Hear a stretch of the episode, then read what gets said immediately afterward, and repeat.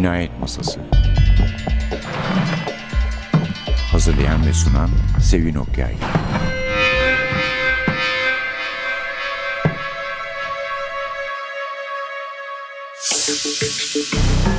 Merhaba.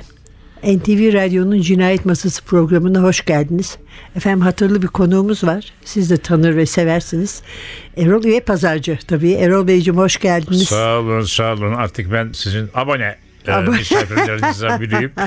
Ee, Ha, vallahi şeref duyuyoruz. Estağfurullah estağfurullah ben de büyük keyif ve zevk alıyorum sizin programınıza. Ama Polisiye şimdi roman ne çok Kemalettin'den başka kiminle konuşabilirim? Seval'la belki ama onlara da zor oluyor kızları da toplayıp Anladım, getirmek. anladım, anladım. Ama aslında tabii doğrusu M. Kemalettin'in kaşifi benim. Değil mi? Heh, şimdi onun hikayelerini konuşacağız tahmin ediyorum. Meraklı Labirentten çıkan, konuşacağız. Labirentten çıkan.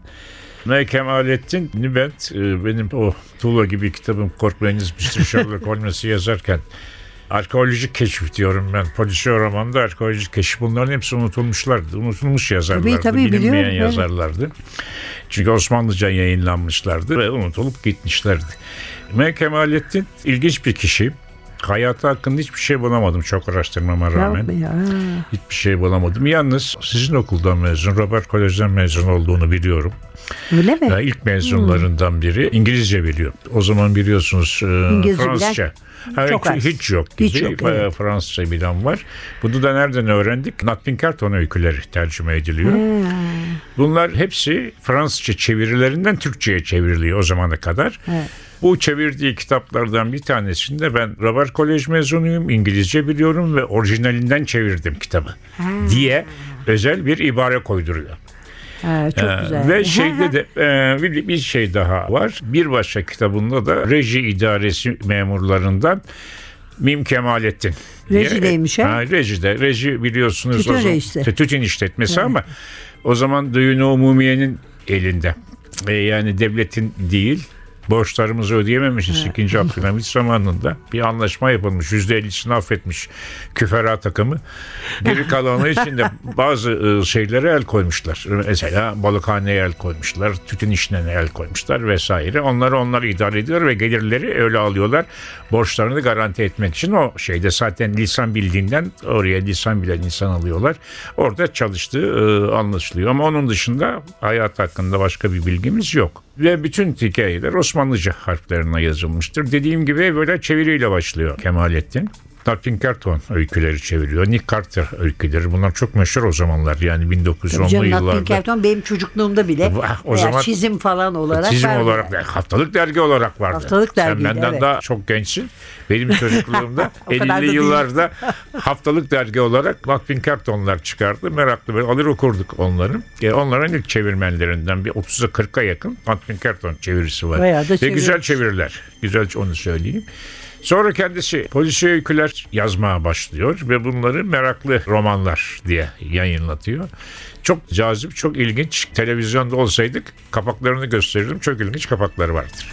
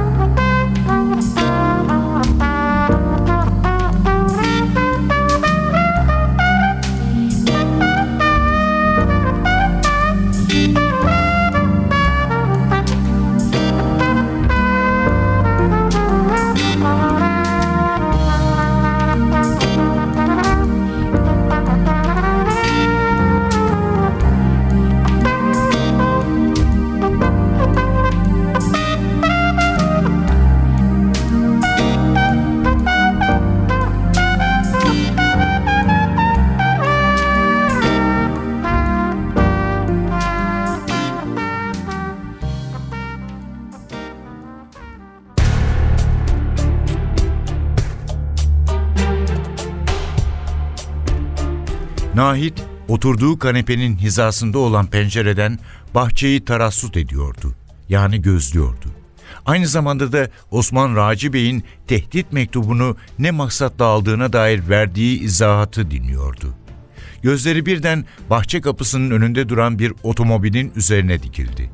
Bu otomobilden bir adam uzun boylu, matruş yani sakalsız simalı bir adam inmiş, bahçenin parmaklıklı duvarının yanına isabet eden bir ağacın arkasına gizlenmişti. Osman Raci tam pencerenin önünde, elleri cebinde duruyordu.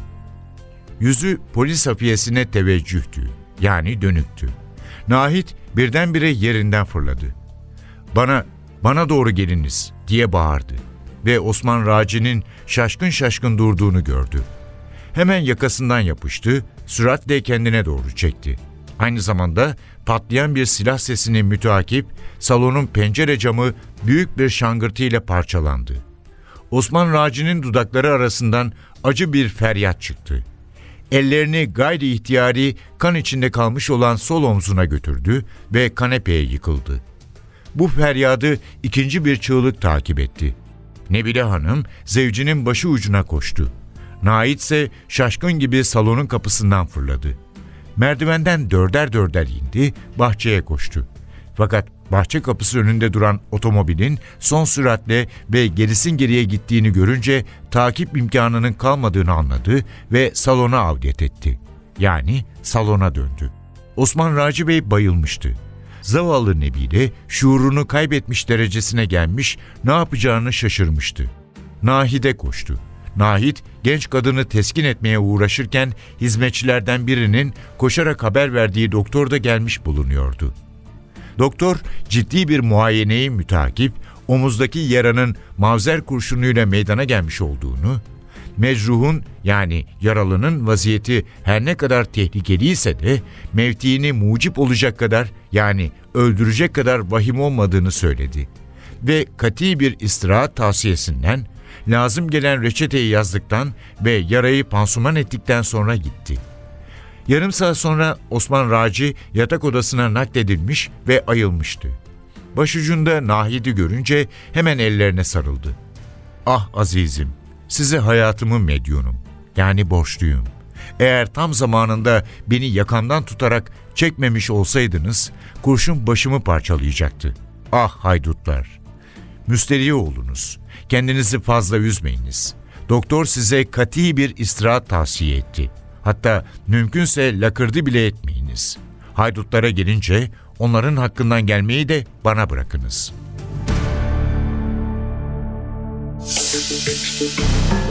Cinayet masasındayız. Erol Bey ile birlikte üye pazarcı. Kitabımızda Labirent'ten çıkan M. Kemalettin'in Meraklı Romanları. Reji dedik de Erol Bey bu Evet. ben çocukken Beşiktaş'ta bir tütün rejisi vardı. Vardı tabii Onun biliyorum. gece bekçisi bizimkilerin bir arkadaşının babasıydı. Arada beni götürürdü babam dönerken alırdı onu. Orası çok güzel bir binaydı. Evet. Böyle Şimdi otel olan yer. Otel olan yer ama böyle yani gölgeli herhalde Evet. gece de şey oldu. Orası şeydi, Böyle e, esrarengiz gibi gelirdi Evet. bana ben küçükken. Ne güzel bir mekan olurmuş Evet aslında. orası şey Avusturyalıların için yani. Avusturyalıların tütün şeysiydi. Efendim Kemalettin dediğim gibi öyle polisiye öyküler çevirmekle başlıyor. Sonra kendi de herhalde yazacağım diye şey yapıyor. Ve 20'ye yakın öykü yayınlanmıştır. Her biri aşağı yukarı 32 sayfa yahut da biraz daha fazla. Ama o zaman vardı değil mi o boyda çok şeyler? Var evet. Böyle evet. Küçük küçük İ- kitaplar. İki forma. görüyorum. 16 Evet. sayfayı bir forma yapıp iki forma ya bilemediniz üç formalık şeyler. Şeyleri rahatlıkla okunacak. Bugün bile rahatlıkla okunacak öykülerdir. İki özelliği var bu öykülerin. Tamamen Türk kahramanlardır. Fakat bazıları Türk kahraman olmasına olanak yoktur. Neden yoktur anlatayım size. Mesela bir komiserden bahseder. Komiserin köşkü vardır, uşağı vardır bilmem ne. Zavallı bizim o zamanki polis teşkilatındaki bir komiserin uşağı olması, köşkü olması falan herhalde mümkün olmayacak. Hayal bile değil yani. Hayal bile. Bu nereden çıkıyor peki? Bu İngilizce bildiği için bir sürü polisiye roman öykü okuyor. Oradaki öyküleri isimlerini Arthur'u Ahmet yapıp efendim çeviriyor ve bize uygulamaya çalışıyor. Bu şekilde bir bazı öyküleri bu şekilde tamamen adaptasyon yani isim değiştirmektir. Adaptasyon da değil adaptasyonda şeye uygularsınız. Yerel renklere saldırmanız lazım. Bu tamamen isim değiştirip yapmıştır. Fakat bir de adaptasyon olmayan kendi yazdığı öyküler vardır. Onlar çok güzeldir. O adaptasyonların nazarında daha niteliklidir. Ve ilk öyküleri adaptasyondur. Bundan son 10 öyküsü falan da tamamen kendi yazdığı öykülerdir. Ve o öyküler daha gerçekçidir ve bütün dönem romanlarında olduğu gibi genelde mekan İstanbul'dur. Ve İstanbul'un tarihi semtlerini, tarihi niteliklerini bu romanları okuduğunuz zaman çıkarma imkanı da bulursunuz. Mesela ilginç bir şeyin kitabını okuyordum hikayesini. Yüksek kaldırım diyor. Yüksek kaldırım deyince İstanbul'da nereyi anlarsınız? Biliyorsunuz yüksek kaldırım. Tabii. Ee, Galata'dan çıkan Yukarıya şey. çıkan. Fakat yer orası değil. Yer efendim diyor ki Valide Camii, Aksaray'daki Valide Camii'nin Allah Allah bu şey ne taktım kafaya ve çok uğraştık. Öğrendik ki efendim şimdiki Vatan Caddesi'nden daha üstteki Fatih Camii'nin önündeki cadde olan Feyz Çakmak Caddesi'ne geçen dik yokuşun da ismi Yüksek Kaldırımmış. Yani bu şekilde İstanbul arkeolojisini de bu kitapları okurken görürsünüz.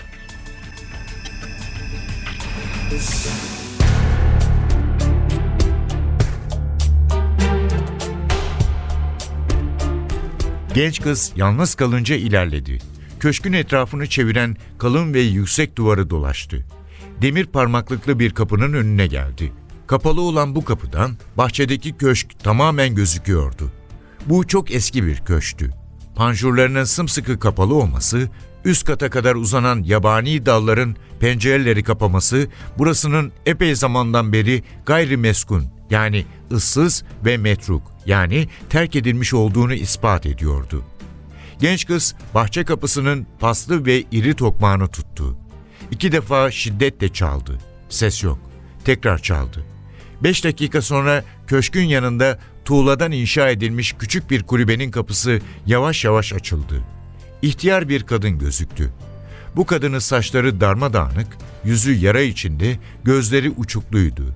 Arkasında lime lime olmuş bir entari vardı. Yanı başında uyuz, tüyleri dökülmüş, gözleri kör, pis bir kedi meşhum yani uğursuz miyavlamalarıyla koca karıyı takip ediyordu. Metruk evin bu garip sakini köşkün yabani otlarla kaplanmış bahçesinde dikenlerin üstünden sıçrayarak kapıya yaklaştı. Genç kız bu korkunç manzara karşısında iki adım geri çekildi. Mamafi kendisini çabuk topladı. Parmaklık arasından korkunç başını uzatan, dişsiz ağzını kulaklarına kadar açarak sırıtan acuzeye yani koca karıya sordu. Burası sarmaşıklı köşk değil mi? Koca karı başıyla evet işaretini yaptı. Şüphesiz siz de bu köşkün bekçisisiniz. İhtiyar tekrar başıyla tasdik etti. O halde Nusret Hanım namında birinin köşkü ziyarete geleceğinden tabii malumatınız var. İstanbul Katibi Adli yani noteri Memduh Bey bana size haber verdiğini söyledi. O Nusret Hanım benim. Böyle bir haber aldığını işaretle iz tabası olan biçimsiz suratlı koca karının sakit yani sessiz ve işaretli cevaplarından mütehayir yani şaşırmış sordu. Suallerime daima işaretle cevap veriyorsunuz. Yoksa dilsiz misiniz? İhtiyar başını eğerek evet demek istedi. Nusret titredi. Bütün vücudu diken diken oldu. Dilsiz, meşhum yani uğursuz bir koca karı, uyuz, kör bir kediyle beraber metruk yani terk edilmiş bir evde, yalnız, yapayalnız bulunuyordu. Mamafi koca karıyı takiben bahçeye girdi. Köşkün yanındaki kulübenin basık kapısından geçince kendisini pis, karanlık, dar bir yerde buldu. Nüset bu pis kulübede tahta bir iskemlenin şöyle ucuna ilişti. Sarmaşıklı köşke niçin geldiğini anlatmaya başladı.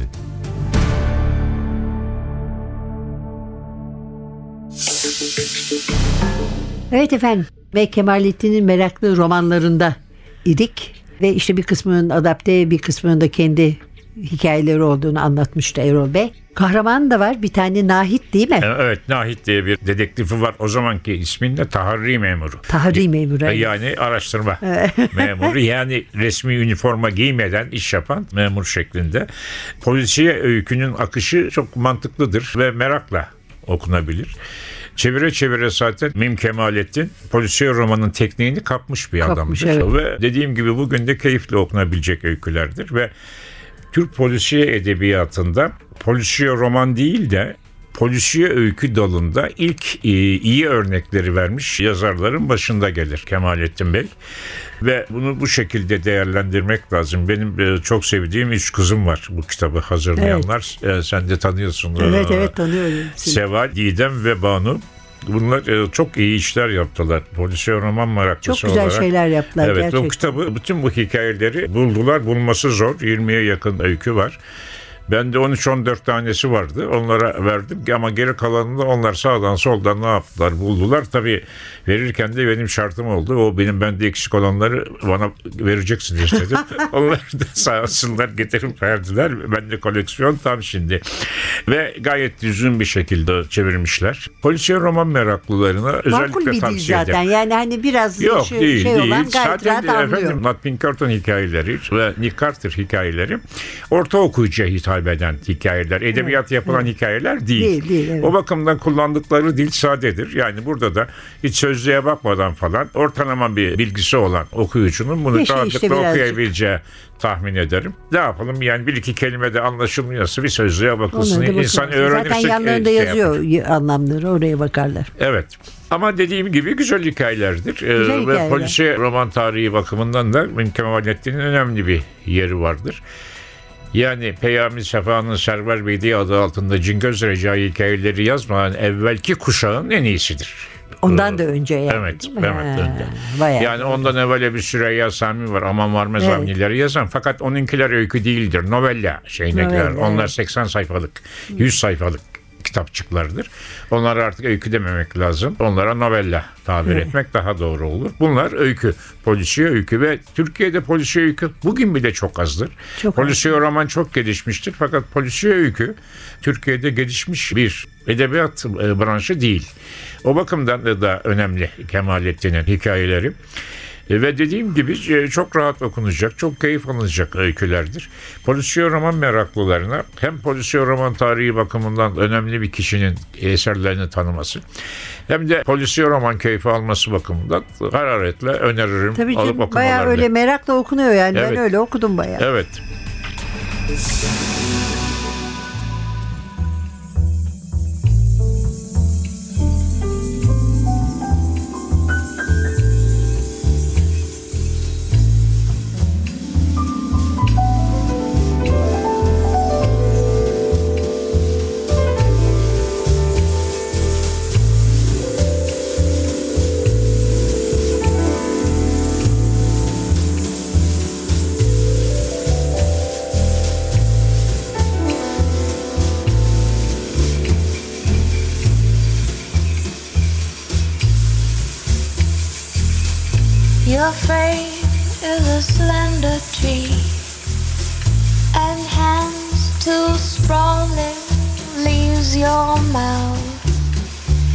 Quiet dawn. Your hair a waterfall, your eyes stars astrolight, slow whispers of infinity that draw me closer to your body night by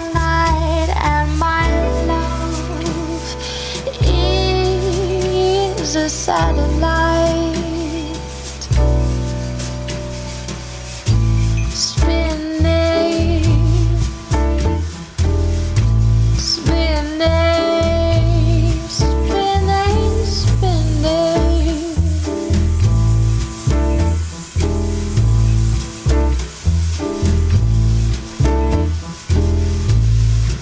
Your questions are impossible. Galaxies and moonlight flow, angry tides and fallow lands. And our universe expands. Your footprints are maps to me. Under sunlight speckled words you feed me in the failing light. A simple me love gravity and all my loving's a satellite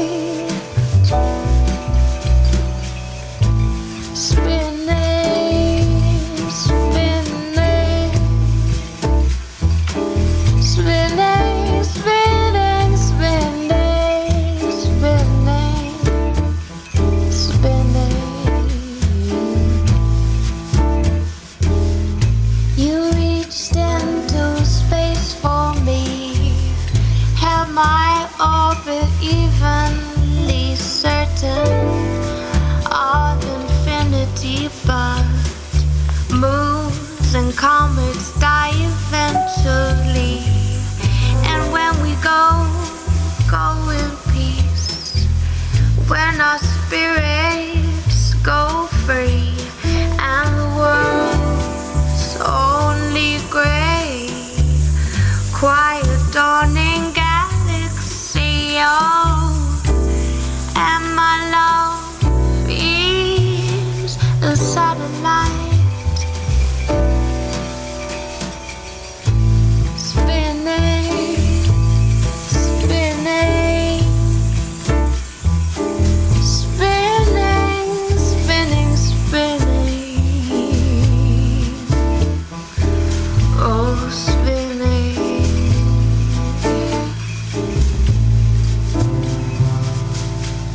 Mm-hmm.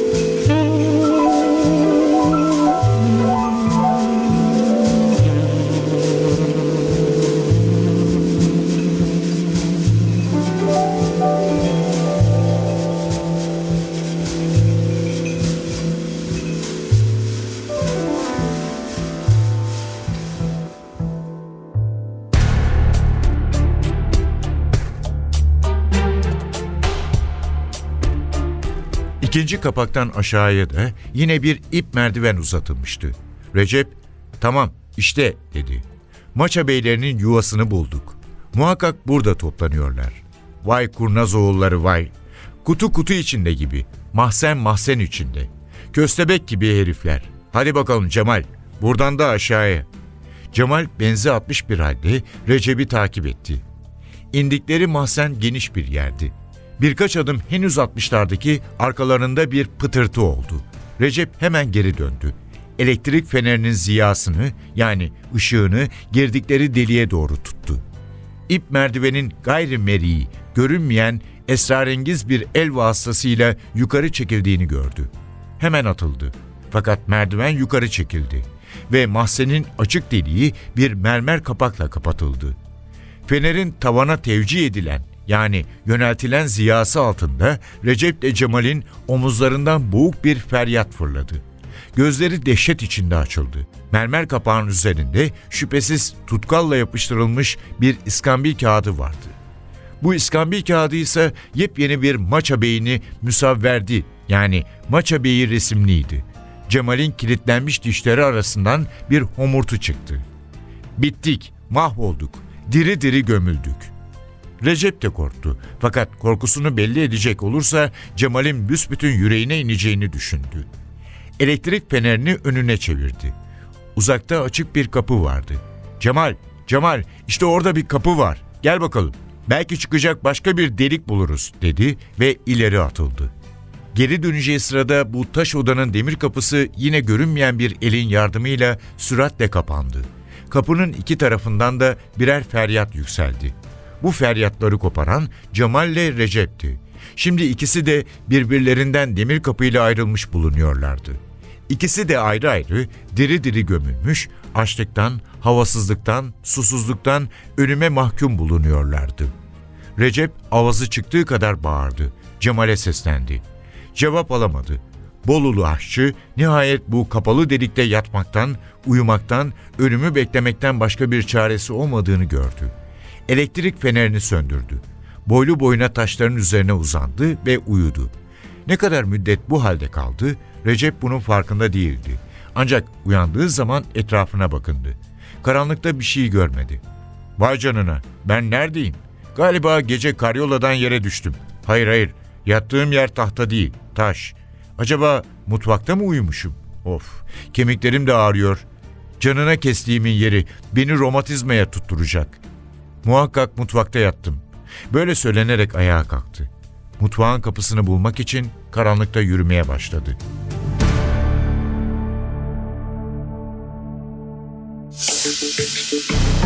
Ve Kemalettin'in meraklı romanları konuğumuz Erol Üye Pazarcı.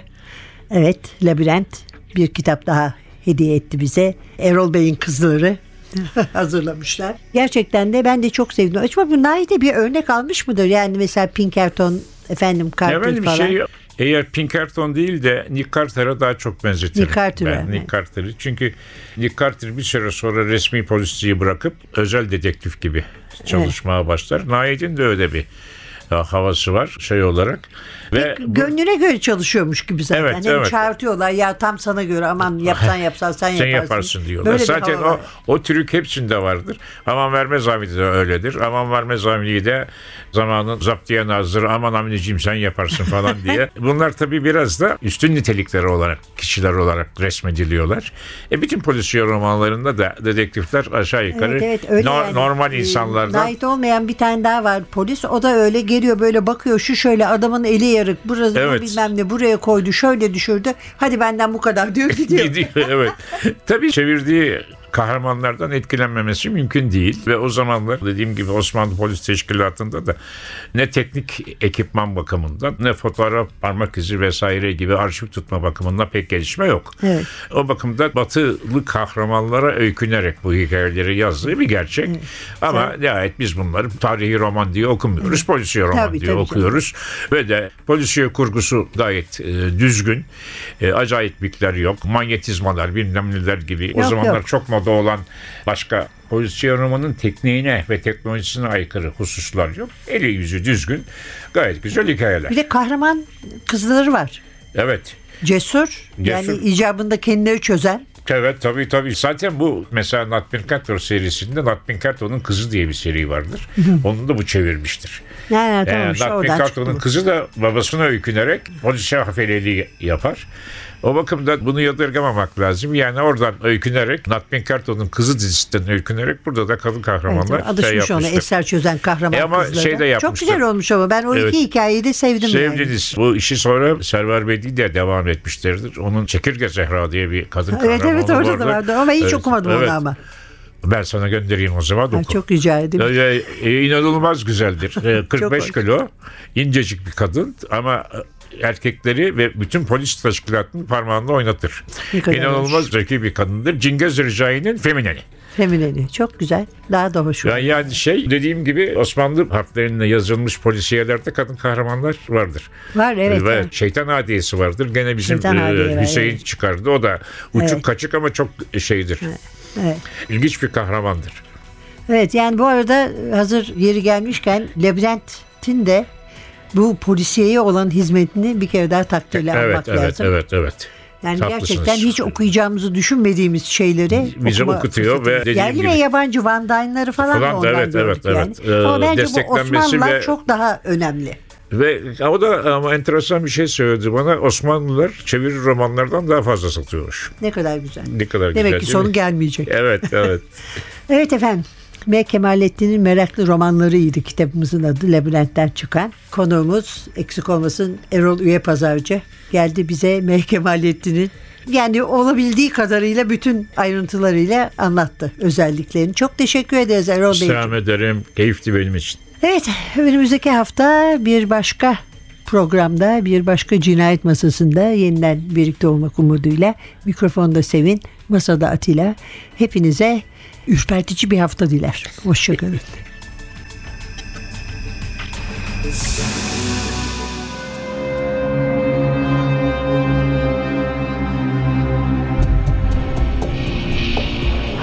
Cinayet Masası Hazırlayan ve sunan Sevin Okyay